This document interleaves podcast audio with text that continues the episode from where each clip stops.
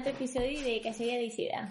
Exacte, un episodi, un altre episodi en convidats. Eh, últimament, no sé què passa, Carla, que, que ens ha vist portar a gent. Deu ser el confinament este de la segona onada, que necessiten que vinga gent, no? Sí. I avui tenim a Josep Izquierdo, Martí Lucas, de Tot Jugar. Benvinguts. Benvinguts. Què tal? jo, Molta gent vos coneix, però no sap qui sou. Perquè això de Tot Jugar, exactament, expliqueu-nos eh, què és, com naix i què feu habitualment fora del que els que juguem a jocs de taula potser vos coneguem més que ja anirem després ahí. Eh, Martí, vols començar tu? Eh, què és Tot Jugar? Mhm. Doncs Tot Jugar és una empresa iniciada amb la voluntat de poder viure fent jocs. Josep i jo ens vam conèixer fent de monitors en colònies d'estiu i allà fèiem jocs que preparàvem durant l'any i, el, i, i, però estàvem realitzant aquells jocs durant una setmana només o 10 dies i vam dir, ostres, és que podríem fer això durant tot l'any, no? Podríem viure d'això, que, que no sigui que l'últim dia de colònies, ostres, hem de tornar a les nostres feines, que això sigui, fos la nostra feina. I així, i així, amb aquesta idea vam començar. Eh, va donar la casualitat que just quan començàvem van arribar les escape room i es va popularitzar una mica el fet que els adults també, també juguéssim, no? es va com normalitzar el fet del joc d'enginy i, i vam començar fent jocs d'investigació pels carrers de Barcelona, eh, intentàvem aconseguir també fer activitats a mida per ajuntaments, per museus, per, per diversos tipus d'equipaments. I, I amb la broma, doncs això fa set anys ja. Sí, sí. És veritat que va haver una època de, dels escape rooms que va ser un boom, no? I també aquestes coses la gent anava també pels carrers en lo del geocaching i tot això, que imagina que també eh, haurà servit un poquet a normalitzar això d'anar pels carrers buscant pistes i, i Vos, vosaltres sou aficionats a aquest tipus de, de coses, més enllà de crear-les? Les disfruteu com a jugadors? Josep? Intentem, dintre del possible, eh, sempre amb les dificultats de cadascú i també amb, amb, el, amb el fet aquest de que el ser creador eh, les veus d'un, les vius d'una altra manera també, no? les analitzes, les, les poses sobre, sota la lupa, però sí, intentem participar en totes les que ens criden l'atenció i podem i Doncs Sherlock. Sí, exacte. Tot això, eh, bueno, nosaltres vos coneguem primer de tot perquè eh, tregueu una, una línia d'investigació en format eh, en cartes que està molt popular, no?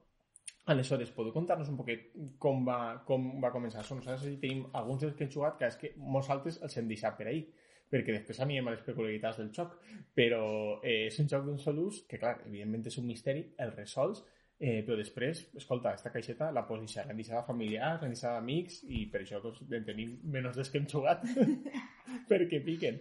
Però un poquet, comenteu-nos, eh, esteu fent estos, estos jocs amb, amb, amb tot jugar en l'empresa i esteu tractant de que la gent resolga misteris, jocs d'enginy i de repent digueu, ja està, les cartes. Com, com, com naix això? Quin, eh, quina és la idea? En realitat va ser d'un encàrrec que vam rebre per fer una activitat per a una empresa durant un sopar eh, d'un client que ja coneixia els jocs que fèiem i havíem fet algun joc per ell alguna vegada i ens va dir no podem adaptar-ho d'alguna manera que sigui al voltant d'una taula, que, que, que, que no hi hagi tanta infraestructura, que es moguin menys els jugadors i donant-li voltes a veure com podíem satisfer aquest client ens va acudir aquesta dinàmica amb unes targetes, ens imaginàvem, amb petites frases, eh, és a dir, sintetitzar els jocs que nosaltres fèiem al carrer eh, amb molt menys material i aquest esdeveniment no va sortir, però la idea va quedar allà i el Josep va dir, ostres, això podia ser un bon joc de taula. En aquella època encara no estaven tan de moda aquests jocs tipus èxit o tipus unlock d'una sola vegada, no? Per tant, a mi recordo que se'm feia una miqueta estrany imaginar-me que, que pogués ser un joc de taula, però sí que veiem això, que, que eren només cartes, que seria un joc petit, que seria un joc econòmic, i li veiem que podia tenir potencial. Aleshores vam agafar un dels nostres jocs que, de detectius que tenim, vam, el vam adaptar eh, no, al format cartes per fer-ne un prototip i el DAO del 2016 el vam provar. I vam veure que la gent reaccionava bé, que la mecànica funcionava, que la gent, que la gent s'ho passava bé, jugaven de dos, jugaven de vuit, i més o menys el joc tirava. I vam anar al PAC de GDM, que el coneixem des de, de, de quan ell tenia el seu joc, que era de Mitos, i nosaltres teníem la nostra empresa incipient tot jugar i ens trobàvem per les fires, i com que sabíem que ell de tema cartes controlava, seguríssim, perquè el seu joc era de cartes, vam dir, doncs, diguem-li amb ell el primer, que el, que el coneixem i a, i a veure què passa. I, i ens va dir que sí a la primera, amb la qual ja, ja està. Jo m'havia currat un vídeo de presentació del joc disposat a enviar-lo a totes les editorials que fes falta i resulta que només el va veure el PAC, aquell vídeo, no l'ha vist ningú més. Un tío avispat. Sí, desde luego, o sea, que, que sen, sentireu bé un poquet el que vos demanaven els clients i a partir d'ahí va sorgir la idea, no? Cal, cal estar atent al que, al que, diu, al que diuen la gent, no? Que, que jugar. Sí, una idea que va quedar en res en aquell moment, doncs eh, la recuperes, la segueixes donant una mica de voltes i l'acabes readaptant. Per tant, tota idea i tot encàrrec pot portar alguna bo. Sí, això és com l'encàrrec este del rellotge digital. El sabeu que els suïssos li van encarregar un rellotge digital i, bueno, una idea innovadora de rellotge. I quan van veure el rellotge els suïssos van dir, però això, eh, on està, les manilles, on estan així, totes les rodetes, totes les peces. I mira després Casio. Ja veus. Ja veus, ja veus, ja sí. Els japonesos, no, els japonesos eh, sí que van dir, escolta, és que aquesta idea, aquesta idea, pues i ha sigut el pack, aquesta idea sí que està, està molt bé. Sí, al final una, una idea bona mai saps d'on et sortirà. No crec que sigui... Potser sí que és un mètode vàlid de vinga, va, em llego i vinga, vaig a fer un, anem a fer una reunió, brainstorming, que surtin idees. És una manera de fer les coses, eh? I en Josep i jo de vegades també ho fem. Vinga, va, anem, però quan fas una reunió de brainstorming no pots pretendre, vinga, va, anem a fer un joc que ho peti. No, és, és molt difícil. Fas un brainstorming i aviam què surt. I, i, i al cap i a la fi surten 10 idees, de les quals 9 no valen un duro. I una potser està bé. I a la següent reunió tornen a sortir 10 idees, 9 no valen un duro, i una potser està una mica millor. I de tant en tant, doncs, si vas fent moltes reunions d'aquestes, doncs, un bon dia doncs, et pot sortir Sherlock. Vale. I, clar, el tema és mmm, moltes idees de, de casos segur, segur que en teniu, però a mi una cosa que me sobta és que, evidentment, un cas d'investigació, siga, siga la línia Sherlock com siga eh, qualsevol altre xoc, clar, la mateixa definició és que l'has de resoldre i una vegada el resols ja no el pots tornar a jugar. Això té implicacions després en, en la línia productiva, etc. Però a mi, mm, com a autors, vos vull, vos vull preguntar si un xoc normalment és iteració a l'hora de dissenyar-lo, com iteres en una cosa que la gent que el prova ja no el pot tornar a provar? Sí, o pels testings, vols dir? Sí. O... Sí, eh? Clar, primer que hem anat també, també hem anat sistematitzant el, el procés de creació, ja no tant per la història, la, cada història sí que va diferent, però sí eh, el, això que han de coincidir el número de cartes, han de ser 32 cartes, han d'haver-hi tantes bones, tantes dolentes, etc. Ha d'haver-hi una sèrie de factors que els hem anat convertint en uns, uns mecanismes que ens han ajudat a anar-los produint sabent que la base com a mínim estaria bé. Llavors ja tenim unes, uns punts de control que ens va dient si allò que estem fent té una certa gràcia i lògica, etc o no. I, I després tenim uns grupets que els pobres els tenim avorrits de provar els prototips, perquè els, els proven tots, i ens donen unes primeres opinions a partir de les quals ens imaginem què pot arribar a passar amb el gran públic, eh, preparem un, ja un prototip que estigui bé, l'enviem al PAC i ell fa encara més proves i ens retorna tot el que, tot el que troba. Al final, si necessites un grup de testing ampli, perquè no pot ser la mateixa persona aquí jugant 15 vegades i trobant els errors, sinó han de ser moltes persones jugant una vegada. I mira, aquests ja l'han disfrutat com a proto, amb les avantatges i inconvenients que té això. Segurament també amb un Sherlock fem menys canvis que si estàs prototipejant un joc diferent en què, en què has de trobar una mecànica que funcioni. Aquí la mecànica ja està, ja està testada. El que, el que provem és que la història s'entengui, que la història sigui descobrible, que les pistes no estiguin massa amagades o que no siguin massa òbvies. Gairebé mai són massa òbvies, normalment pequem d'amagar-les massa. Hem de, de fer-ho més fàcil, eh, que els hem posat massa complicat. O simplement sempre, nosaltres sempre diem una cosa que és que mai saps per on et sortiran els jugadors. Els jugadors són imprevisibles i tu has posat unes pistes pensant els jugadors entendran això i normalment el que més corregim amb un test és ostres, els jugadors han entès una cosa que no ens, que, que, que no ens interessa que, que donguin voltes a això. Ens interessa que donguin voltes si l'assassí és tal o qual, però no amb una cosa que és un detall. Doncs aclarim-ho. Els ha costat molt deduir aquesta part. Posem algun indici més per ajudar-los. Eh, aquests són els, el, els retocs que, que tendim a fer amb, amb les històries a, a partir dels tests. i busques coincidències perquè a vegades una persona et fa el test i et s'encalla en un punt i amb això no tens prou per dir vale, això està malament, has de dir esperem tens, tens ganes ja de canviar-ho però has de dir no, esperem un moment, anem a fer més proves. Si una altra persona o dos o tres persones més s'encallen al mateix punt vol dir que tenim un problema. Si no, cada persona juga diferent, cada persona dedueix diferent, és un joc de deductiu, és un joc eh, que no estem acostumats, és un cert complicat i, i llavors has de, has de fer una mica la, la moda, veure què, què, què es repeteix més, on tens el problema i llavors solucionar-lo, que no per una persona que ha dit una cosa ja obsessionar-te, que també costa, eh, costa, perquè quan diu una cosa se't fica al cap i... Sí, som així, funcionem així. Sí, home, jo una, una cosa que sí que me sobta molt a l'hora de crear misteris, clar, jo no creo misteris normalment, eh, vull dir, soc un tio que va, que va coses normals, no són molt misteriós, però per exemple, hi ha un joc que no sé si l'heu jugat, que es diu Eleusis, que va de fer una regla divina i que la resta de jugadors l'hagin de descobrir. És abstracte, evidentment, no té la part de psicologia de la història, que crec que és el que vosaltres mm, més porteu per a que la gent jugui, però té un, i joc té una cosa és que tu penses que la teva regla és molt fàcil i normalment sempre és molt més difícil de descobrir del que tu t'havies imaginat. I, però també eh, passa quan deduïssis la norma, que tu la penses molt més difícil de lo que és i a vegades és una subnorma dins de la norma general sí. i te penses que ja ho tens i és un detall que comprèn la norma en, sí. en general. Clar, dit, dit això, eh, vosaltres imagina que ja porteu des de, des de colònies, no?, que feu jocs i tal, ja, ja, ja ho sabeu d'abans, no? Això ja, ja, ja s'ho oloreu o, o, o què? Els, els prototips van així més ràpid cada vegada que en feu més o cadascun és, és, és complicat de per si? Tendim a, tendim a, a, a clavar-la bastant, crec jo. Tendim a clavar-la bastant a, a, perquè cada cop... Perquè ja ho veus.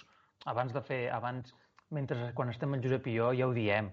Ah, aquesta és la típica carta que descartaran perquè els semblarà que no és important i aquí els hi hem colat una informació important. Eh, però, però bueno, ja et dic, els jugadors són imprevisibles i sempre tens sorpreses. Però vaja, no, no ens ha passat d'haver acabat un joc de dalt a baix i de després dir, ostres, no pot ser, no funciona. Normalment les coses que no funcionen les anem veient mentre, mentre preparem la història i, i després, quan hem fet test i alguna cosa no ha funcionat, eren coses que podíem, que podíem canviar. Però això, eh, també descartem moltes idees abans de trobar la bona. No, no, no fem una història i surt sempre fem moltes que no surten i anem, anem tirant endarrere. Avancem, veiem que no va enlloc, tornem a, a, la, a la casilla de sortida, no? Avancem, no va enlloc, tornem al principi. I anem fent així fins que al final ens il·luminem i diem, vale, crec que ara ja veig el camí que travessa aquesta dificultat i crec que ja podem arribar fins al final. I quan ja veiem això una mica clar, és, és el moment en què ho posem a treballar fort i normalment la intuïció era bona i sortim endavant. Però al principi hi ha molts dubtes, hi ha moltes in, eh, coses que no coneixem i, i que encara no hem creat i que no sabem com anirà i, ostres, eh, tinc, això no sé, no, no, no ho veig clar i fins que al final ens il·luminem i diem, vale, ara sí que està clar, ja tirem. I tenim moltes idees a mitges. Tenim un document, idees Sherlock. I allà hi ha idees que són... que, que jo, jo li dic protoidees, perquè no arriba ni al nivell d'idees. Sí. És el malo és el mayordomo, saps? La, tens apuntat això allà, ja està. Aquesta cosa tan òbvia no, però, però coses així. I, I ho tens allà i esperes a que potser algun dia s'ha t'acut una altra protoidea i dius, ostres, si junto aquestes dues protoidees potser tinc una història que, que funciona, no? I, i això, i de tant en tant, doncs, quan ens veiem, donem voltes a coses, o, o jo a vegades a les vacances tinc una llibreta, agafo, apunto coses, o, sé, o també és un WhatsApp, no? Ostres, acabes de veure una pel·li hosti, aquesta pel·li tenia una idea que estava guai, saps? I doncs, hosti, he vist una pel·li que tenia un, una idea de deducció que estava guai.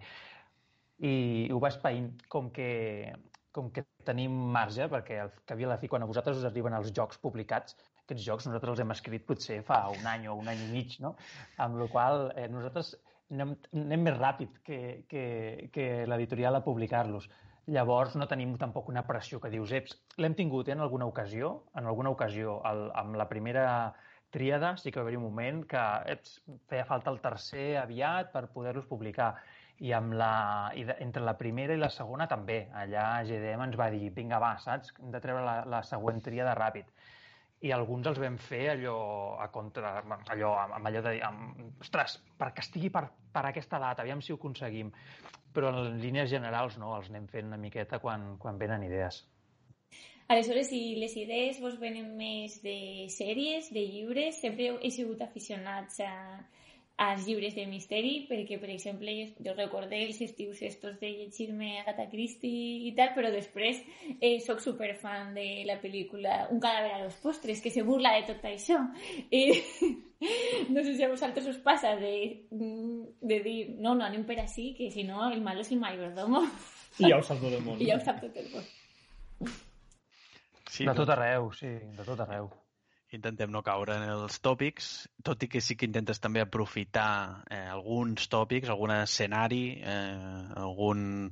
No, no, no, no tot el cas que sigui tòpic, però sí, ostres, un assassinat en un tren. Bueno, pues això es pot aprofitar, canvies tota la resta i, i tens aquest avantatge que una cosa és identificable, ràpid. Sí, però... dins de l'imaginari, no?, que tenim tots de Exacte, sí, sí, sí. El que sí que tenim és això, un imaginari bastant ampli, perquè hem vist moltes sèries d'investigació, hem llegit llibres d'investigació, hem vist vist pel·lis d'investigació i vas construint tot aquest imaginari, de manera que tens una sèrie de coses les tens molt a l'abast, no, no has de pensar. Aleshores, anar amb vosaltres a un escape room o alguna d'això ha de ser ir corrent, no? ja, Depèn ja del tipus d'escape room, eh? Depèn del sí. tipus d'escape room. A mi a vegades em passa el contrari, que com que li busco sempre la lògica narrativa, no?, de vale, si aquesta maleta és d'aquest personatge, la contrasenya no la trobaré aquí, perquè estic buscant la contrasenya d'un altre personatge, i resulta que no, que el no està funcionant aquesta lògica. I a mi m'ha passat d'anar a escape rooms i de no, no donar-ne ni una per això, perquè buscava una lògica narrativa que aquell escape room no buscava. Amb els escape rooms que sí, que la història està com més integrada, amb aquests ens en sortim millor, però vaja, no, no som uns figures, eh, no, no, jo no considero un figura del escape room ni molt menys.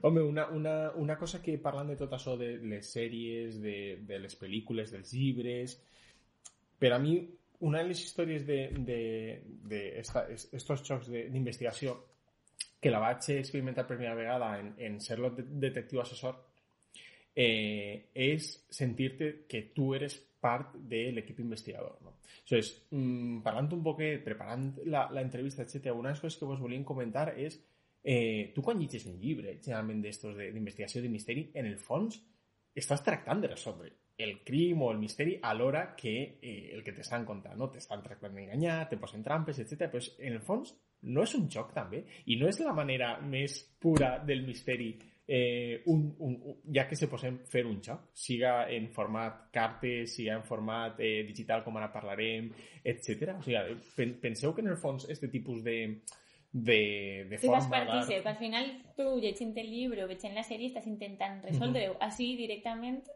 eres tu que Exacte. ho intentes resoldre. És, és més directe, no? O sigui, no sé, què, què penseu al respecte? És, és més clar, és, és, és més obert, per això li agrada tant a la gent? Que t'hi convida directament a tu, no? T'interpel·la sí. directament. I a més, intentem que no hi hagi trampa, que hi ha llibres, no tots, ni sí. hi ha pel·lis, no totes, que al final l'autor es treu de la màniga una cosa que tu no podies saber de cap manera i allò ho resol tot. I això sap greu a vegades amb els llibres de misteri, estàs fent una bona investigació, estàs intentant tu fent l'esforç de deduir-ho i al final et diuen i va passar això i dius, ostres, ja, però jo això no podia saber-ho de cap manera. Yeah. I intentem que aquest efecte no passi, que, que quan... Pot ser que hagis descartat una carta vital, això sí, que sí que és part del joc, però si has baixat les cartes correctes, has de poder tenir allà davant el que necessites. No pot ser que hi hagi pistes que no hi siguin. Alguns dirà que no ho aconseguim en tots els casos, per les percepcions de cadascú, però és la intenció. Mm, hi ha casos més difícils i més fàcils, però, però sí, en general la nostra sensació és que tot està ahí. No? En, en alguns casos de detectiu assessor ens ha passat que de repente arriba a serlo, te conta la milonga i tu dius... Eh... Ai, sí. és que ahí Mm. I això que ens encanta, eh? Però, però sí, sí, ens encanta moltíssim, però és que arribar a ser Sherlock... Eh... Sí, Perdona, però és impossible. Martí, anaves a comentar. Sí, no, amb això, relacionat amb això que deia el Josep, que per això la solució, una de les nostres idees era posar entre parèntesis de cada part de la solució, de quina carta ho podies extreure aquella informació, una mica com per demostrar aquesta solució que nosaltres estem posant, no ens l'estem traient de la màniga, estava a les cartes, de manera més òbvia o menys òbvia, però està a les cartes i, i et dic quines són perquè tu puguis eh, revisar-ho i poder dir, ah, ostres, vale, clar, és veritat, sí, sí, això que em diuen que ha passat, aquí, en aquesta carta, estava la informació, no? M'ha passat per alt, o algú l'ha descartat, o no ho he deduït, però, però pots revisar i reconstruir la història. Mm -hmm. I bo, si voleu fer un, un xicot de repàs, que bueno, m'està parlant molt d'ell, però sense ensenyar cap spoiler, doncs esta és, esta és la baralla, no? O sigui, una cosa molt interessant és que a partir de la primera notícia eh, baralleu la, la resta i ahir n'hi ha xar, no? Que és una cosa que també és prou única des d'un punt de vista narratiu. No, bo, potser els jocs de rol també juguen en este, en este atzar per a tractar de dinamitzar les coses. Així és un atzar realment eh, molt, molt fort, perquè te poden tocar coses que te desvien d'una manera o una altra.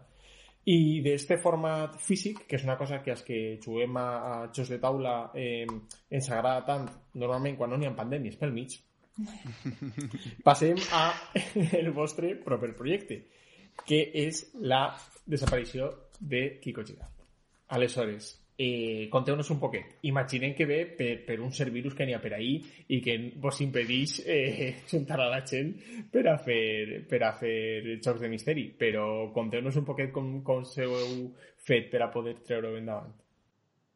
Aquest és un joc que en realitat el vam començar el 2014 com a demo pel Festival DAO i la idea era que, que que fos un joc en què, la, que tot el joc passés al voltant d'una taula, no? que és el que, el que tenim al Festival d'Au. Llavors hem dit, d'acord, ha de ser una investigació en què els detectius arriben a una taula d'un altre detectiu que estava investigant alguna cosa, que té tots els elements que estava utilitzant per resoldre el cas sobre la taula i, i, i acuts allà, no? Et trobes notes, retalls de diari, documents, i has d'entendre què estava investigant aquell detectiu i per quina raó ha desaparegut. El vam fer el DAU 14, el DAU 15, en altres fires, eh, amb això el vam anar provant i el vam anar polint, i el 2016, eh, eh, com que som molt echados pelante, el vam presentar a una subvenció del Departament de Cultura de la Generalitat de creació literària. Vam dir, això és una creació, el joc és cultura, no? defensem que el joc és cultura, a, a, els jocs poden explicar històries, doncs ens vam presentar, igual que es presentaven autors de novel·la i autors de guions cinematogràfics i, i altres obres així, i en, ens van concedir la subvenció. I aleshores vam crear una segona part del joc, que no explico exactament en què consisteix per no fer spoiler als jugadors, d'acord? Però sí que podem explicar el joc té dues parts. Aquesta primera part en què tu com a investigador acuts al despatx del teu company per intentar entendre què et duia entre mans i per quina raó fa 48 hores que no dona senyals de vida, i després hi ha una segona part, que vosaltres que ja heu jugat ja heu vist que, que té aquest component més literari, tot i que segueix sent un joc. Eh, això llavors nosaltres, quan vam presentar la subvenció, ho presentàvem per, perquè fos un joc dels que nosaltres fem al carrer, i així ho va ser, 2017, 2018, 2019, i aquest 2020, evidentment, doncs, l'activitat al carrer s'ha reduït moltíssim. I ens vam trobar això, que que diverses persones ens preguntaven eh, que teniu algun joc eh, digital, ostres, és que he fet algun joc amb vosaltres em va agradar molt i ara és l'aniversari de no sé qui, eh, teniu algun per fer des de casa? I no teníem res, els derivàvem al Sherlock i aquestes coses. I aleshores vam dir, escolta, com que veiem que això va una mica per llarg, i que no sabem quan... Durant l'any 2020 hem anat fent ara sí, ara no, ara sortim, ara no sortim. Tenim l'avantatge que la nostra activitat és a l'aire lliure, no som un escape room, els, els escape rooms estan molt més fotuts que nosaltres. Nosaltres, al ser una activitat a l'aire lliure, que tu fas amb el teu equip de 2, 3, 4, 5 persones i però els equips van cadascú al seu aire, quan, quan la situació ha millorat hem pogut fer activitats. Ara actualment estem, podem fer activitats, però, però no sabem el que durarà i, i, i, i tenim menys feina que, que altres anys. Aleshores, eh, el meu germà em va és molt fan de les històries de la teva aventura, em va ensenyar una cosa que havia muntat amb un software, que era un triar la teva aventura i tal, i allà vam unir les dues idees. No? Ostres, mm, potser amb aquest software podem preparar una mica eh, una versió de la desaparició d'en Quico Giral virtual, i, i que la puguem doncs, difondre ara en aquests temps en què, en què sortir de casa és més complicat, fer activitats a l'exterior és més complicat i tot i que ara mateix està només en català, doncs si la cosa va bé, doncs la pots traduir a altres idiomes i llavors també pots arribar a públic de, de, de fora de Catalunya. Home, jo crec que, bueno, nosaltres l'hem pogut jugar, clar, a veure, jo també he dit una cosa. Jo jugo en Carla, que és una màquina de resoldre misteris. super amateur, i, però és que m'ho passa superbé, m'ho passa superbé perquè li veig com el cervellet va, va fent així clinc, clinc, clinc, clinc, clinc, i jo crec que és una cosa que vos he sentit, o no sé si vos l'he sentit al Pac o què, que els Sherlock són divertits d'inclús de donar-li a algun altre grup i veure com jugar. Jo ho tinc a casa, o sigui, no me veig en la vella. Ja no, perquè la sensació de, vale, vaig a, he acabat de veure les pistes i fas clic. Ja ho sé. Això és molt brutal. Això és la molt sensació brutal. és meravellosa. I crec que, a banda, són, són, són jocs que a nivell de, de grup, clar, moltes vegades eh, eh, és, eh, bueno, les activitats lúdiques, gran, gran part de la gràcia és tindre's en, en, en altra gent, no? I este tipus de conversa de alçar-te i dir, no, però escolta, si jo te pegué aixina, tu caus aixina, aleshores, ah, això aquesta... És una discussió molt, molt, molt, molt interessant. Nosaltres, bueno, quan, quan fa temps jugàvem al de, de, de assessor, feien lo típic amb la llibreteta, te poses tot el paripé, tal, tal, tal, i tu passes... La pissarra. Sí, tu, la pissarra, tu vas superbé. Això és... En el fons jo crec que esto, estos jocs sí que, sí que te claven moltíssim i és de veres que eh, este mitjà eh, electrònic doncs eh, es pot fer també per Skype, etc. Imagino que, que ho heu provat, és, és perfectament viable, nosaltres ho farem, ho farem a casa, però, però clar, és que mm, la gràcia de moltes coses és fer-la en persones i veure-les en persones. Aleshores, clar, vosaltres, quan heu tastat això... Eh... Gent que li dona superimportància a no sé quin detall, l'altra que diu que no, que no, que això no va per ahí, però com va ser un crim passional si ha estat tot planificat? Clar, vosaltres quan esteu tot, tot això així en, en, en digital, també ho, ho heu fet, no sé, mm, mirant les reaccions de la gent o simplement després heu tingut feedback? Ho heu muntat d'alguna manera especial?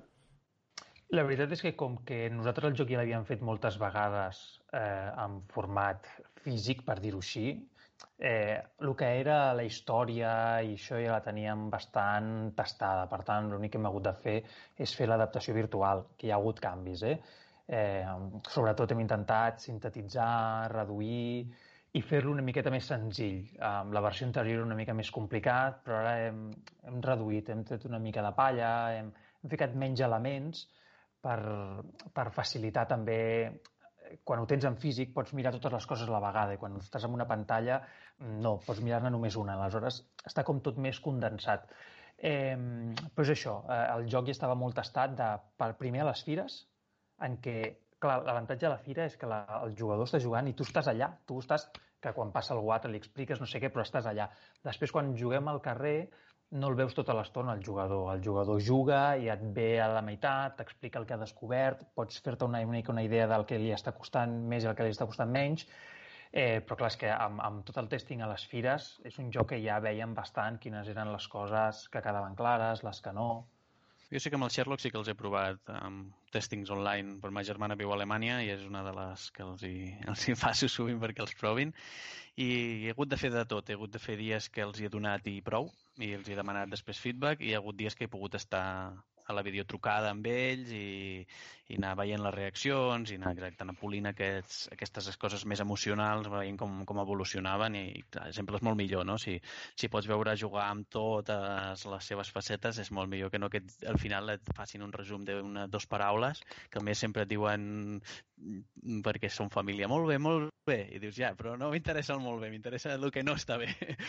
I, i llavors si ho veus tu en directe captes molt els matisos i, i, i per tant sempre millor videotrucada, veure'ls la cara i sentir-los a la veu i a veure com es barallen. Moltes vegades també la, la, el, el, les trames que ells s'imaginen que poden ser bones ens serveixen per configurar les trames dolentes, sobretot en el Sherlock. No? En el Sherlock una de les coses que més costa és un cop tens la història bona, que evidentment costa, però costa molt fer les trames dolentes.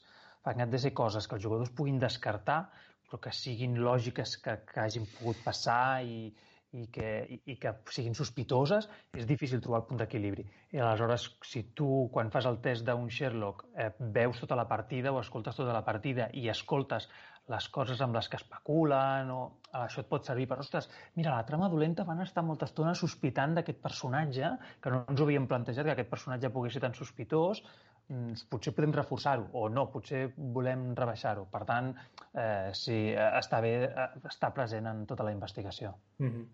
Mm, I això és una cosa que té este nou, nou joc que heu fet. Una primera és que és, que és digital i l'altra és que té eh, un component eh, narratiu que seria la segona part que, que heu explicat, no? I curiosament són dues tendències que es veuen als jocs de taula, eh, en certa manera eh, del tema de la narració a xers de taula, bo, podríem segurament obrir un meló i estar una o dues hores parlant. Eh, sé que sou molt fans del Pandemic, per lo que he sentit per ahir, del Pandemic Legacy. Eh, crec que n'hi ha moltíssim per explorar en la narració en xers de taula, eh, però, clar, després també el tema del, de la de, de utilitzar elements digitals a de taula, un sacrilegi, en certa manera, no? I, Apps. Exacte, aplicacions, coses que, que, que lleven del manteniment, etc. No sé, quina és la vostra experiència respecte a això? Cal ser més pureta i dir, mira, si fem una cosa digital, la fem digital del tot? Mm, vos agrada que n'hi hagi coses més clares? Creu que pot millorar l'experiència? I estic pensant, per exemple... En Utilitzar el, el recurs de... És un recurs més i ja està. Trenca algun tipus de contracte amb els jugadors, no? No ho sé, perquè un joc de taula saps tot el que passa, tot el que passa en físic. En digital igual passen coses que tu no entens, no? Aleshores, eh, no sé, per a vosaltres, quina des... tant la, narra... la narrativa en els jocs com la part digital en els jocs, quin impacte té en els jocs de taula? Quin, quin vegeu que tinga més pes, més rellevància, etc. Jo, eh, bueno, et contesto les dues coses. Eh, primer, a la, a la narrativa. Jo, jo faig l'aposta, eh, després m'equivocaré segur, com tots els que fan apostes de futur, però jo crec que la, la narració és la, el, futur dels jocs de taula, com ha sigut el futur del cine, com ha sigut el futur de... Sempre comencen les coses artístiques eh, fent aquella cosa i prou i acaben sempre explicant històries. Van començar al cine rodant un tren que arribava a una estació perquè es podia i era divertit aquell dia i un dia van dir, ja, però això ja no ens agrada. I l'únic que ens manté actius i ens manté connectats són les històries, són les sorpreses i és la narrativa. Per tant, jo crec que els jocs de taula han d'acabar anant cap a la narrativa, com han fet els videojocs. Vam començar amb el Pac-Man i amb l'Space Invaders i hem acabat amb jocs molt narratius. Hi ha de tot, hi ha Fortnite, però també hi ha jocs molt narratius que, que són molt potents i jo abogo pels jocs narratius i m'agrada molt, per això ens intento fer sempre jocs, jocs narratius. Amb clar, a mi la mecànica, eh, com a potser perquè estic, estic prop de les mates, soc profe de mates, etc, l'acabo convertint en números i llavors m'acaba avorrint una mica, no? Quan ja l'he entès, quan ja sé com funciona, quan ja l'he desxifrat, la mecànica, deixa de ser tan eh, atrevida. En canvi, una història cada vegada és nova o, o cada vegada és sorprenent i llavors això m'agrada. I eh, l'altra part que parlaves de la, de la digitalització d'algunes parts, jo estic molt dividit i no, aquí sí que no tinc, no tinc gens clar. jo jugo molt a videojocs, valoro moltes coses positives dels videojocs, entre elles que no, no ets capaç a vegades de desxifrar eh, la lògica que hi ha darrere i llavors, clar, és, sorprenent i et manté actiu i et manté... A mi m'agrada molt aquesta sensació de no saber què passarà, de no poder predir. Un joc de taula està tot escrit i si tu vols tu llegeixes ja saps tu el que passarà en la partida. També hi ha mecàniques eh, per amagar fets i si un sobre, que quan passi això obres el sobre, hi ha maneres de fer-ho, són una mica més artificials, més feixugues. Llavors, clar, m'agrada molt aquesta part de la, del, dels videojocs, però també eh, no, mm, em sap greu anar juntant els camins perquè no s'emporti cap al joc de, de, de videojoc tot, perquè el, el videojoc té tanta potència en molts camps que podem acabar perdent coses molt bones del joc de taula si ens anem derivant cap al videojoc.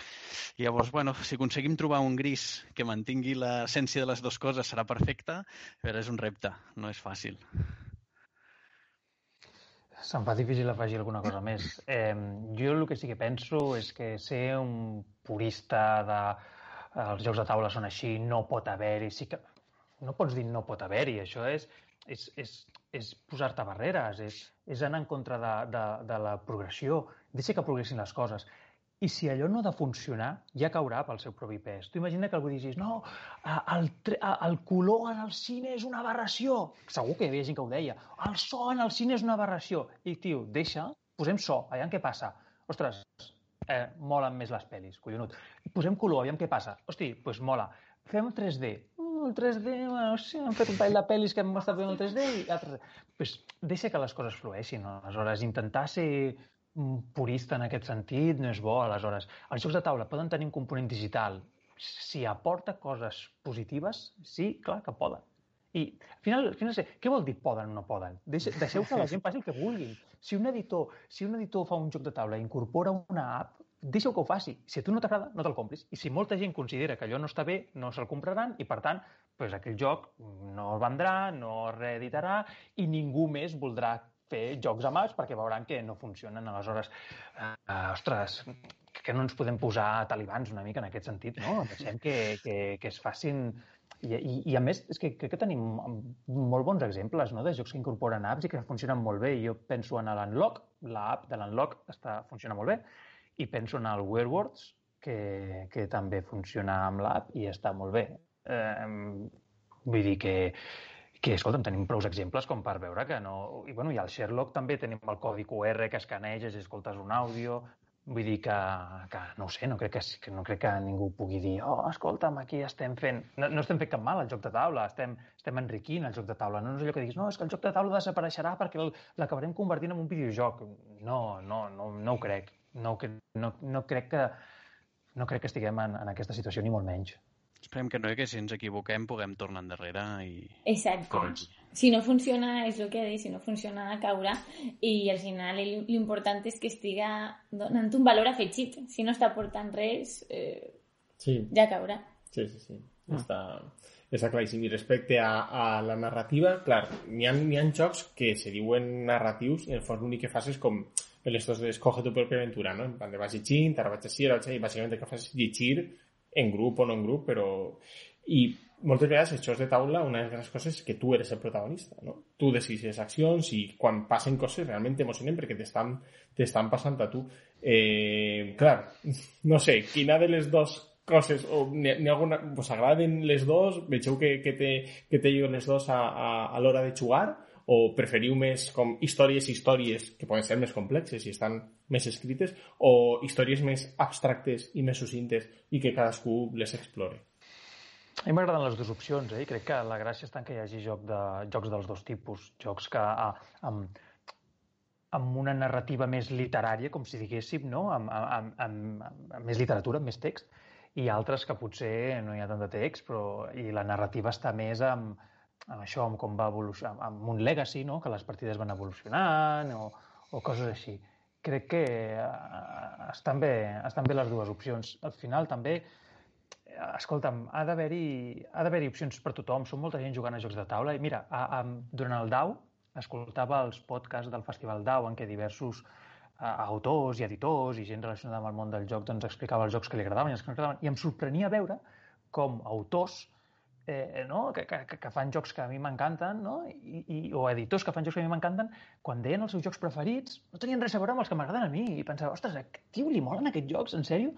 Pues clar, pues està guai, està guai, saps? Eh, pues hi, hi haurà gent que li encantarà el Sherlock, hi haurà gent que no li trobarà la gràcia, hi haurà gent que li encanta el, el fantasma Blitz i un altre que no li trobarà la gràcia i, i hi ha gent que no li agrada Terraforming Mars, que aquests no els entenc gaire com poden existir, però també també n'hi ha que no li agrada Terraforming Mars. Sí, n'hi ha gent que li agrada la il·lustració del Terraforming Mars, jo tampoc m'ho explico, eh? Aleshores, escolta, vull dir que, que està bé, que, que és la riquesa, no? I que està bé que debatim i que ens discutim i que fem cachondeo de ah, com te pot agradar aquest joc, no sé què, però, però escolta'm, que la grandesa està en que hi hagi jocs de molts tipus perquè hi ha molts tipus de jugadors, hi ha molts tipus d'ocasions també i, i un mateix jugador en un moment donat pot voler jugar una cosa una altra una altra.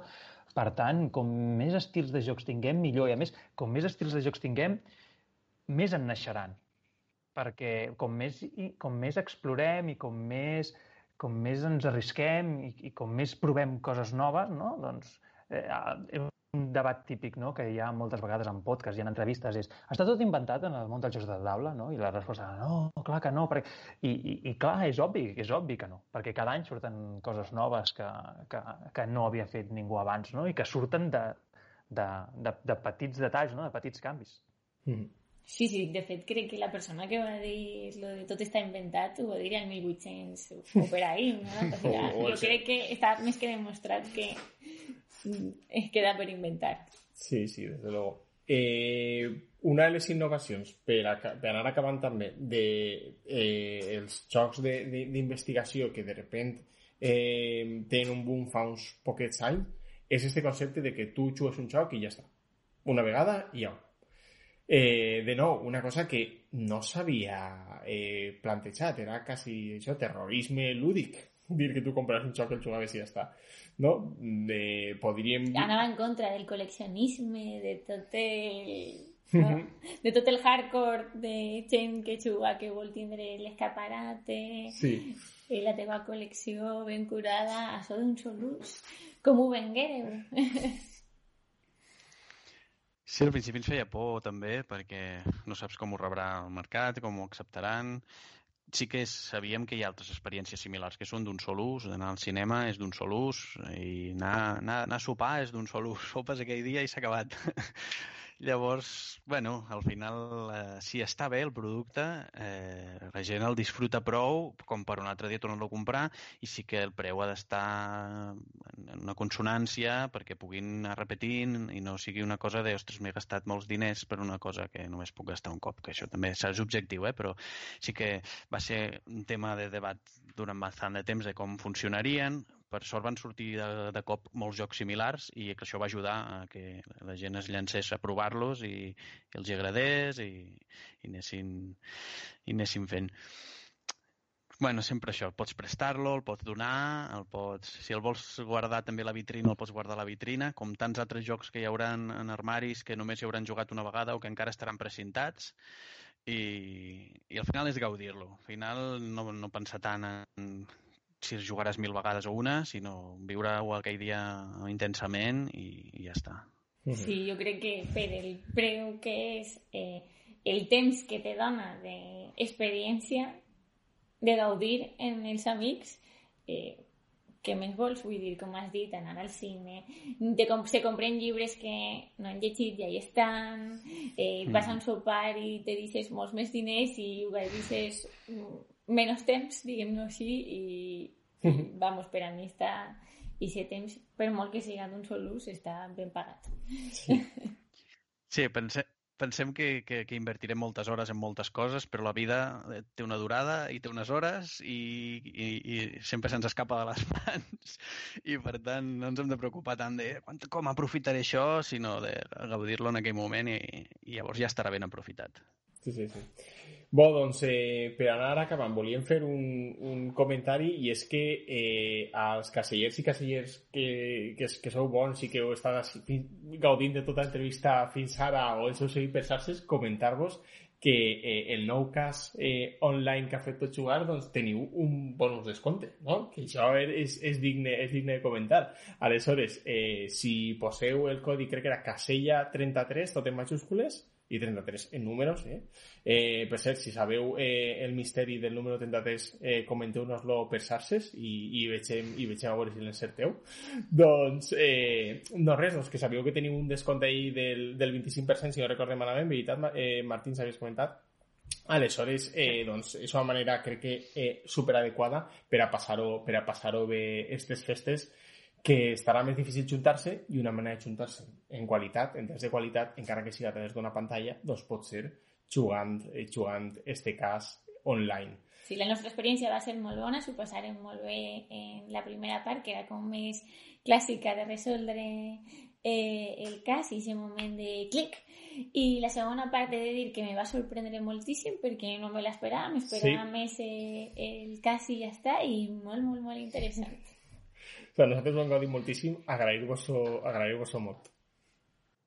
Oh, gràcies a vosaltres. Eh, aclarir que per jugar al joc no fa falta tenir cap plataforma ni estar subscrit en lloc ni res. El joc està a la nostra pàgina web i només fa falta un ordinador, connexió a internet i, i ja està. I com dèiem, s'hi pot jugar amb el nucli de convivència i s'hi pot jugar amb altres persones que cadascú des del seu ordinador accedeix al joc i podeu anar veient els mateixos elements i estan en contacte per videotrucada. I el preu són 10 euros, però amb el descompte del Casella 33 doncs el podeu adquirir per, per 7 i mig.